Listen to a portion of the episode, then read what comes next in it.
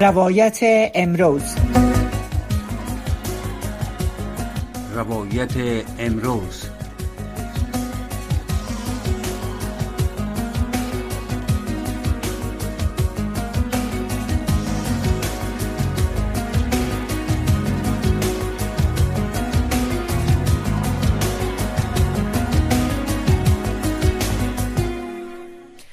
شنونده های عزیز سلام به برنامه روایت امروز از رادیو آشنا. صدای امریکا خوش آمدین. آرزو دارم هر جایی که هستین ساعت و سلامت باشین. همچنان برنامه های صدای امریکا رادیو آشنا را بشنوین. از طریق وبسایت و فیسبوک همچنان پروگرام ها را دیده می‌تونین.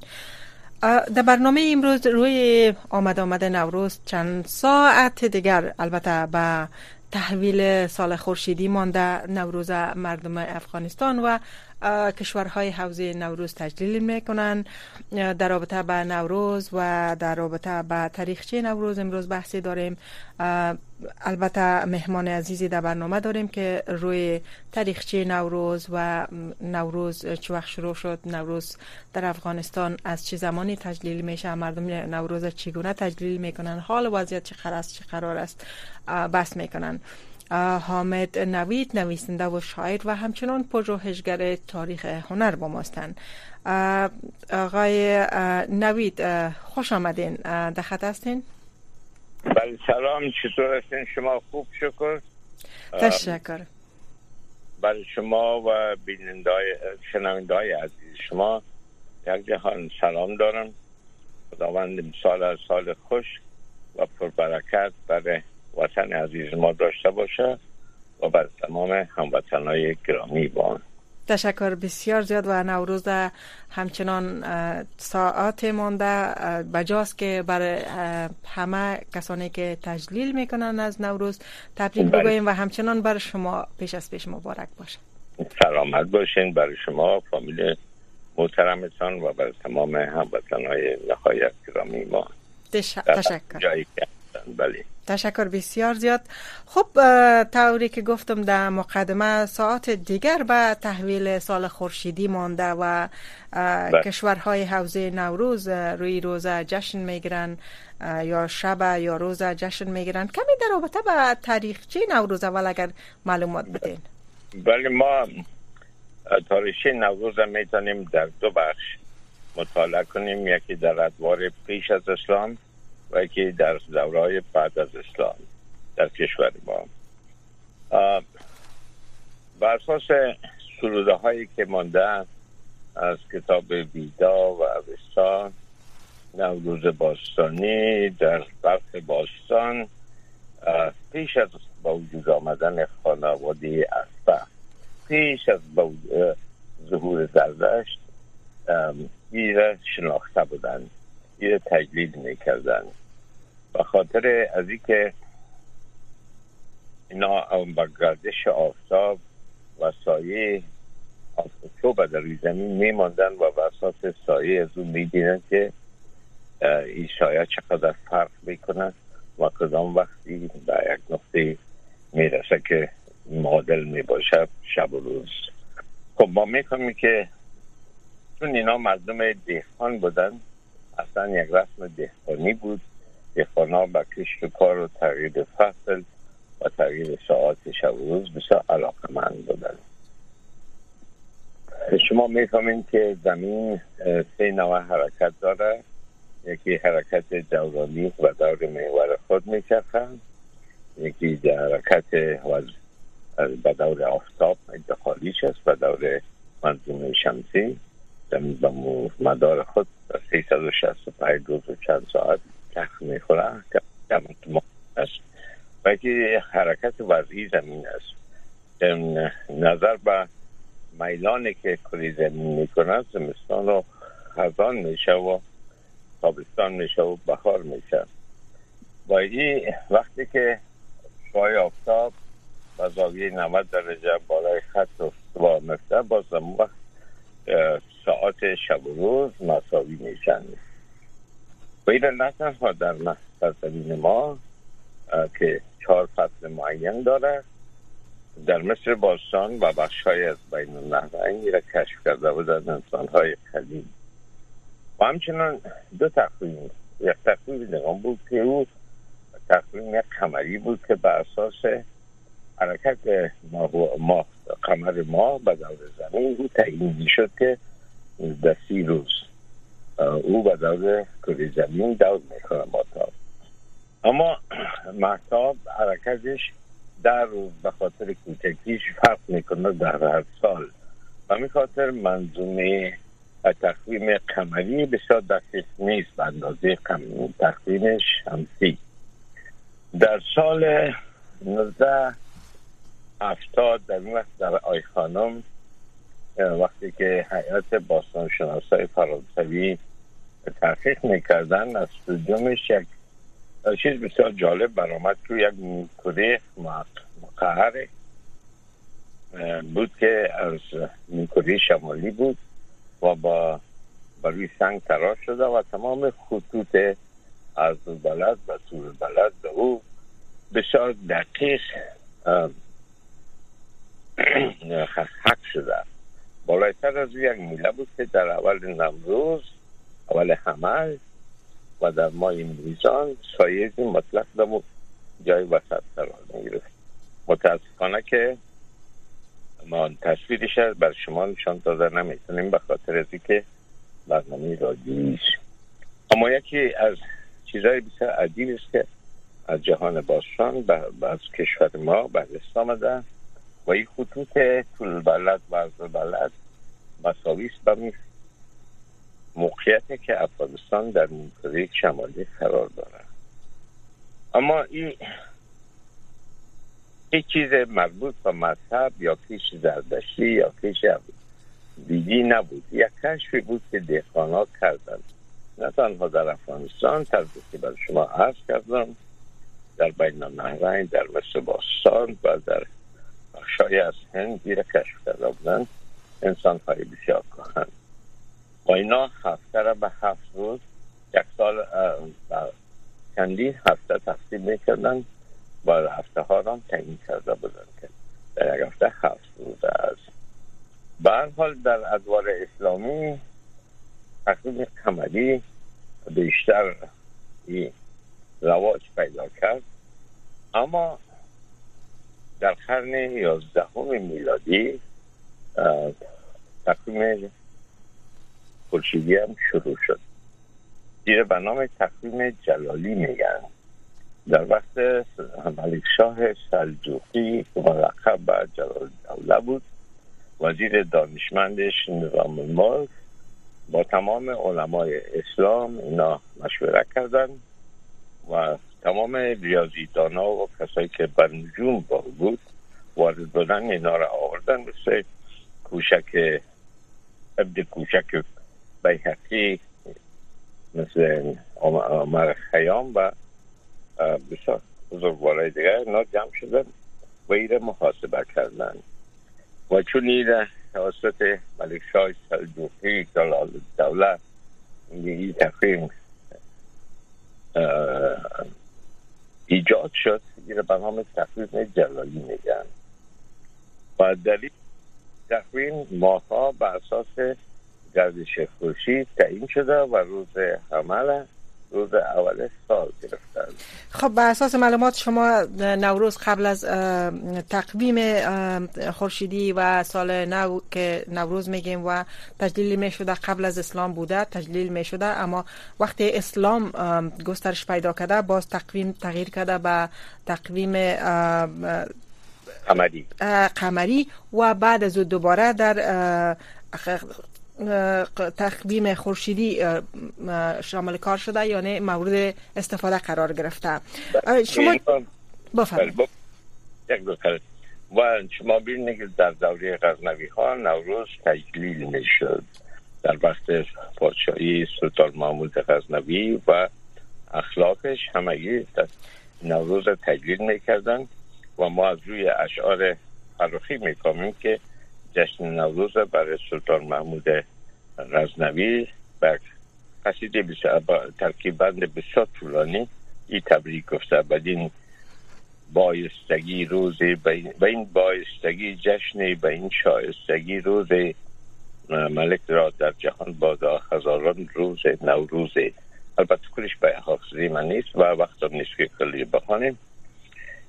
شما می‌کنید خود محمود غزنوی یک آدم بسیار مسلمان و متدین بود اما نوروز تجلیل می‌کرد و از او پیشتر در وقتی که پس اسلام بود در یمی وقتم نوروز تجلیل می‌شد در افغانستان و وقت ابو مسلم خراسانی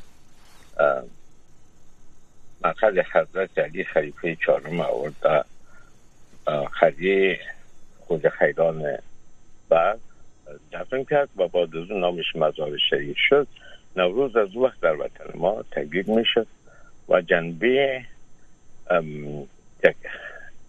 احترام داشت برای حضرت علی خلیفه چهارم کرم الله وجه. جالب چیزی را یاد کردین؟ شما موضوع جالب را یاد کردین. چرا جنده بالا میشه در مزار شریف؟ یک مراسم خاصی در نوروز در مزار شریف برگزار میشه ولی به خاطر از که به قرار باز روایات وقتی که حضرت علی در کوفه شهید شد و در خاطر از اینکه خوارج می‌خواستن به حرمتی کنند به مزارش و زمانی که ابو مسلم خراسانی رفت به بغداد از بازماندگان حضرت علی از پیشزی خواهش کردن که مرخد حضرت علی کرم الله وجهه و طرف به جای دور ببرن. چندین روایت هست.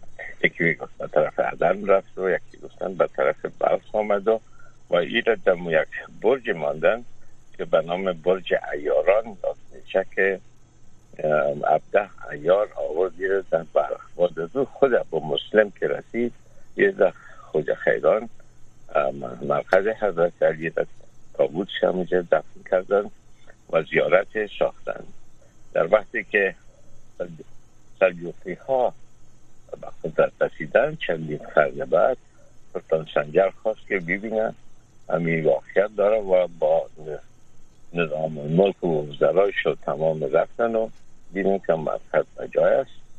و در وقت سلطان سلطان سین یک ایمودی بود پادشاه هرات بازم مزار ساختن. و در اونجا خودش رفت و در اونجا ای افتتاح کرد. و در اون وقت حضرت جامعه اونجا بود باز پرسان کردن که چه واقعیت داره. گفت که میشه نوشته که گویند که مرکز علی در نجف است. در بلخ یا ببین چه دارد شرف است. دامی نه عدن گوی نه بین الجبلین خوشی یکی شهایان هر طرف است. مقصد از مراد مرز سخنی بود که این برخلاف عقاید اسلامی قرار نمی‌گیرند دینامی انانه در ادوار اسلام بسیار با قوت موجود بود. خب بس من سوالم امی بود پیشترم که مقدمه چینی کردم. امیست که چرا بعضی ها در افغانستان تعداد خصوصا حکومت فعلی طالبان با نوروز با سال نو خورشیدی مشکل دارن حتی تغییر دادن تقویم قمری. مشکل چی است که اینا؟ شما گفتین از نگاه ای مخالفت یا در تناقض با مسائل اسلامی هم نیست. یک مسئله فرهنگی تاریخی است که بسیار بله. خدمت داره. چرا مثلا طالبا یا یک تعداد دیگر مخالفت دارن زدیت دارن با امین یک یک طرز دید خاص است که نمی‌خواین فکر می‌کنن که تصمیم قمری اسلامی است و خورشیدی نیست. در حالی که خداوند هم خالق خورشید است و هم خالق تمام کائنات و هم قمر.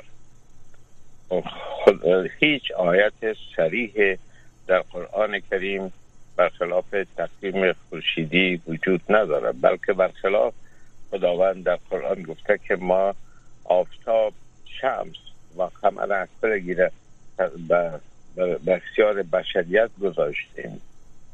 ما, ما با که انسان از او استفاده کنن من نمیگم یک طرز دید خاص که یک تعداد عذاب تنده و فکر می‌کنن که اگر عربی بود اگر ماهای عربی بود اسلامی است و اگر نبود نیست در حالی که در دین مبارک اسلام یک دین است که برای تمام بشریت است برای یک طبقه خاص نیست برای یک ملت خاص نیست برای یک زبان خاص نیست برای یک قوم خاص نیست در بسیاری کشورهای اسلامی مثل پاکستان مثلا میلادی کاربرد داره تقویم میلادی درست؟ بله بله.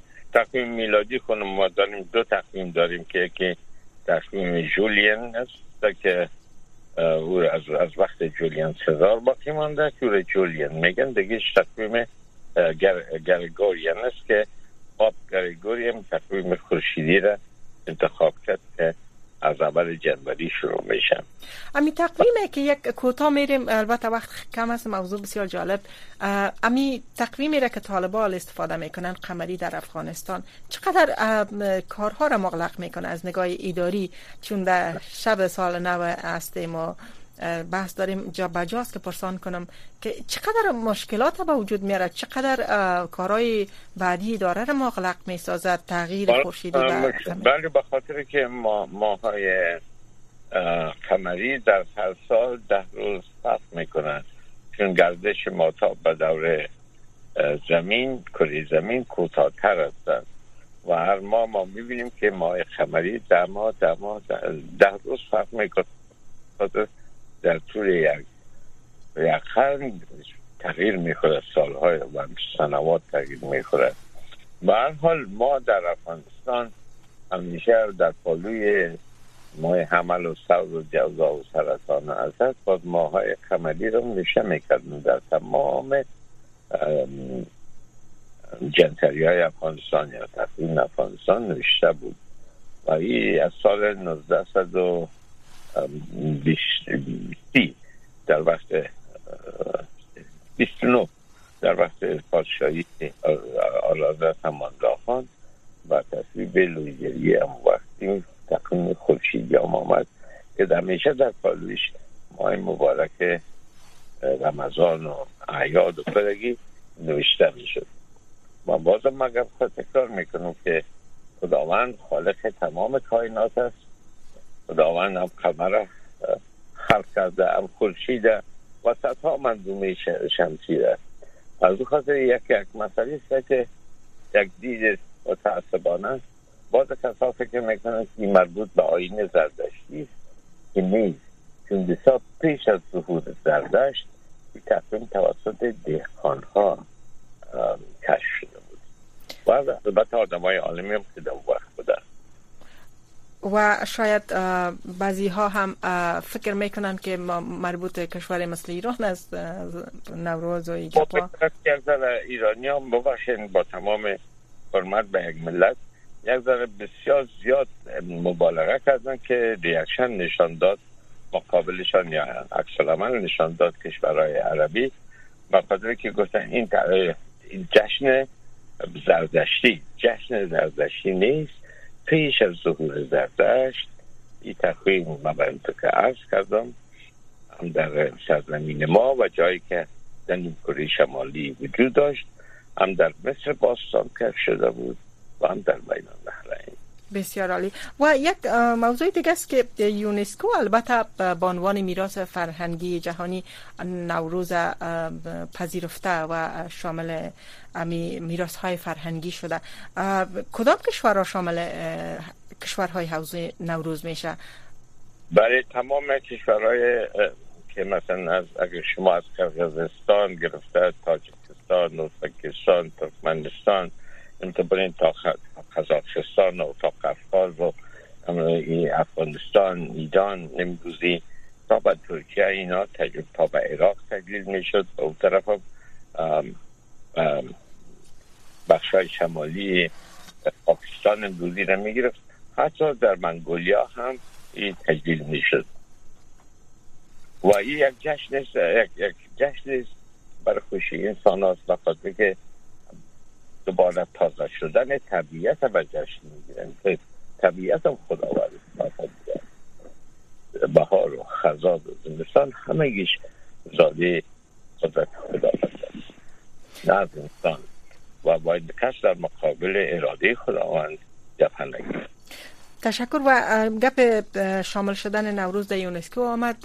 به نظرتون اش دقیقه دیگه داریم. یک کمی سر اهمیت موضوعات فرهنگی اگر تماس بگیرین. چقدر مهم است حفظ میراث های فرهنگی که ملت ها به انواع مختلف از رو تجلیل می‌کنن یا به او پایبند هستن؟ چقدر مهم است همین ارزش ها را حفظش و بودنش و ادامهش برای بله، ملت ها می‌فهمید که یکی تاریخ سیاسی است که همون جنگا و تبدیل شدن قدرت و اینا است در این کشورها که بسیار همیشه مخالفت انسان ها رو نشان میده. یکی فرهنگ و ثقافت انسان هاست که ایزاده همون استعداد انسان زاده فکر انسان و زاده طرز تفکر مثبتش است که یک اثر هنری یک پدیده ادبی با وجود میاد و انانات یک کشورم جز هویت تاریخی و جز هویت ملیش است. البته نوروز از جمله انانات بسیار باستانی ماست که از وقت ابو مسلم خراسانی در وقت اسلام میگم تا در روی سلطان محمود غزنوی و سلجوقی ها و از وقت تا به امروز که همه پادشاهان مسلمان بودند این رسم تجلیل می‌شد و مردم می‌خواه که می آمدن بهار یک جهش طبیعت نشان میده تازگی طبیعت نشان میده من حیث یک روز خوب و تهنیت بشینند و از, از, از نعمات خداوند شکر گذاری کنند.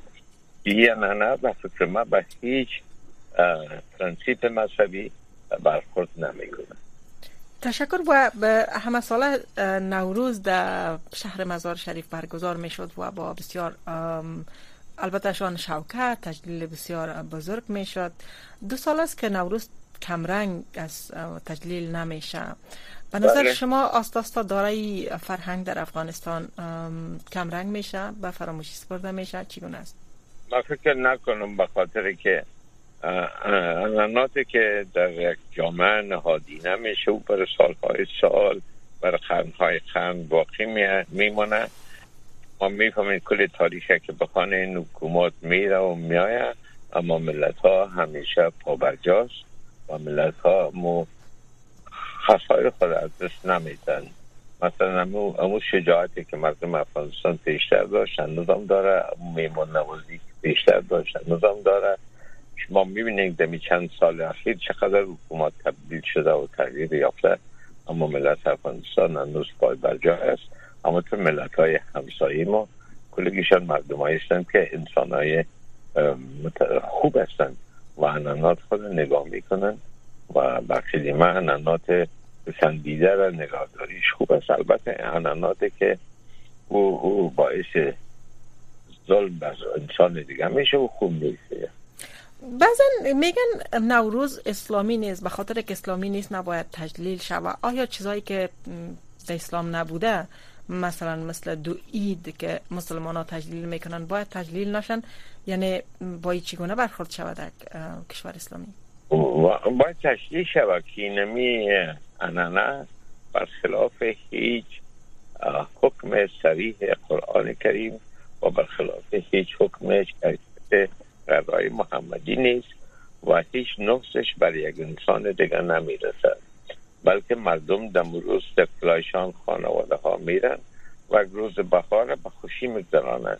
که اون سال به خوشی برشان بگذرند نوروز یعنی تفاوت بین مراسم و ارزش های فرهنگی یک کشور با ارزش های دینیش به مردم گفته شود. درست است؟ مثل که نوروز یک بله، ارزش بله، فرهنگی در افغانستان تشابه تشابه. همین که بگوین که هیچ هیچ همین ما بین در ضد یکی نیست این نیست نیست که در وطن ما وجود داشته بلکه نه تنها در وطن ما در اکثر کشورهای اسلامی میره می‌گیرن. و حتی در اشعار عربی که ببینین زبیع یعنی بهار حساب خوشی یاد کردن. بهار از کلمه در زبان قدیم بلخ کهن که زبان باختری از واژه بیهار ریشه گرفته. یعنی ورودگاه در یعنی همین دروازه اول سال است. نوبا بیهارا یعنی نوروز و همو معبد نوبهار برخم به می نامگذاری شده بود. چند دقیقه کم مانده سه دقیقه داریم با آخر برنامه. اگر کوتاه بگوین وظیفه حکومت ها در حفظ میراث های فرهنگی مراسمات فرهنگی و مسائل دیگه یک کشور چی می باشه؟ آیا دولت ها وظیفه دارن برای حفظ میراث های فرهنگی و تاریخی یک کشور؟ بله می‌بینید شما در سر تا سر جهان تمام آبدات تاریخ در تمام کشورهای جهان چی مترقی است چی رو به انکشاف است؟ حفظ می‌کنن موزیم های خود حفظ می‌کنن تمام آثار تاریخی قلعه باستانی همه را حفظ می‌کنن. و برای آوردن توریسم در کشورشان مفاد دارن و برای شناخت نسل های جوان می‌فهمند که ما متعلق به یک فرهنگ هستیم که از خود تمدن داشته. اگر شما فکر کنید که یک کشور بالای یک میز است که بالای چهار پای استوار است یکیش مثلا اقتصاد است. دیگه میگن که قوای سکیوریتیش یا محافظت حراستش است قوای هست که اون ملت نگاه می‌کنن اگه دیگه شب بگوین روابط بین دول است اما پایی چهارمش مهمترینش پایی فرهنگش است در هر کدوم از این پایات نباشه یک مملکت پیشرفت نمی‌کنه یعنی کشورها تفکیک میشن با پای فرهنگشان تاریخشان بله. و ارزششان هویتشان از امیجا شکل می‌گیره در جامعه بله. در روابط بله. بین الملل درست بله اینا شما فکر کنین که اگر ویکتور هوگو الکساندر دوما ای, تمام نویسنده و نقاش های بزرگی که در فرانسه نمیدون امیر میکشیدیم شما از ما بین فرانسه. امین نویسنده و متفکرین و امین به تاریخ فرانسه چی میمان بغیر از امی که بگیم که یک کشور است که دارای این حدود اربع است. بله. بله. روز امی تمام بزرگایی که در کشور ما هست بوده از وقت حضرت مولانا پیشتر از اون از وقت بله. مثلا اگر بسیار وقت چند لحظه کمتر مانده کدام پیامی دارین چون با, با ساعت کمی مانده به تحویل سال پیامی که دارین به شنونده ها به یا چیز دیگه می‌تونین بگوین؟ چند فقط بغیر از خوشی و سرفرازی ملت بزرگ و ملت بسیار نجیب افغانستان می‌خوایم و می‌خوایم که امسال یک سال خوشبختی و تفاهم ملی ما بین مردم ما باشه.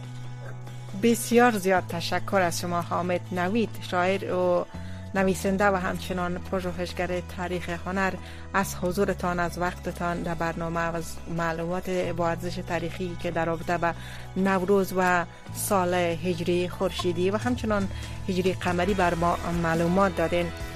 برنامه روایت امروز همینجا به پایان می‌رسه اما دیگه برنامه های رادیو آشنا صدای امریکا ادامه داره تشکر که تا حال با ما بودید.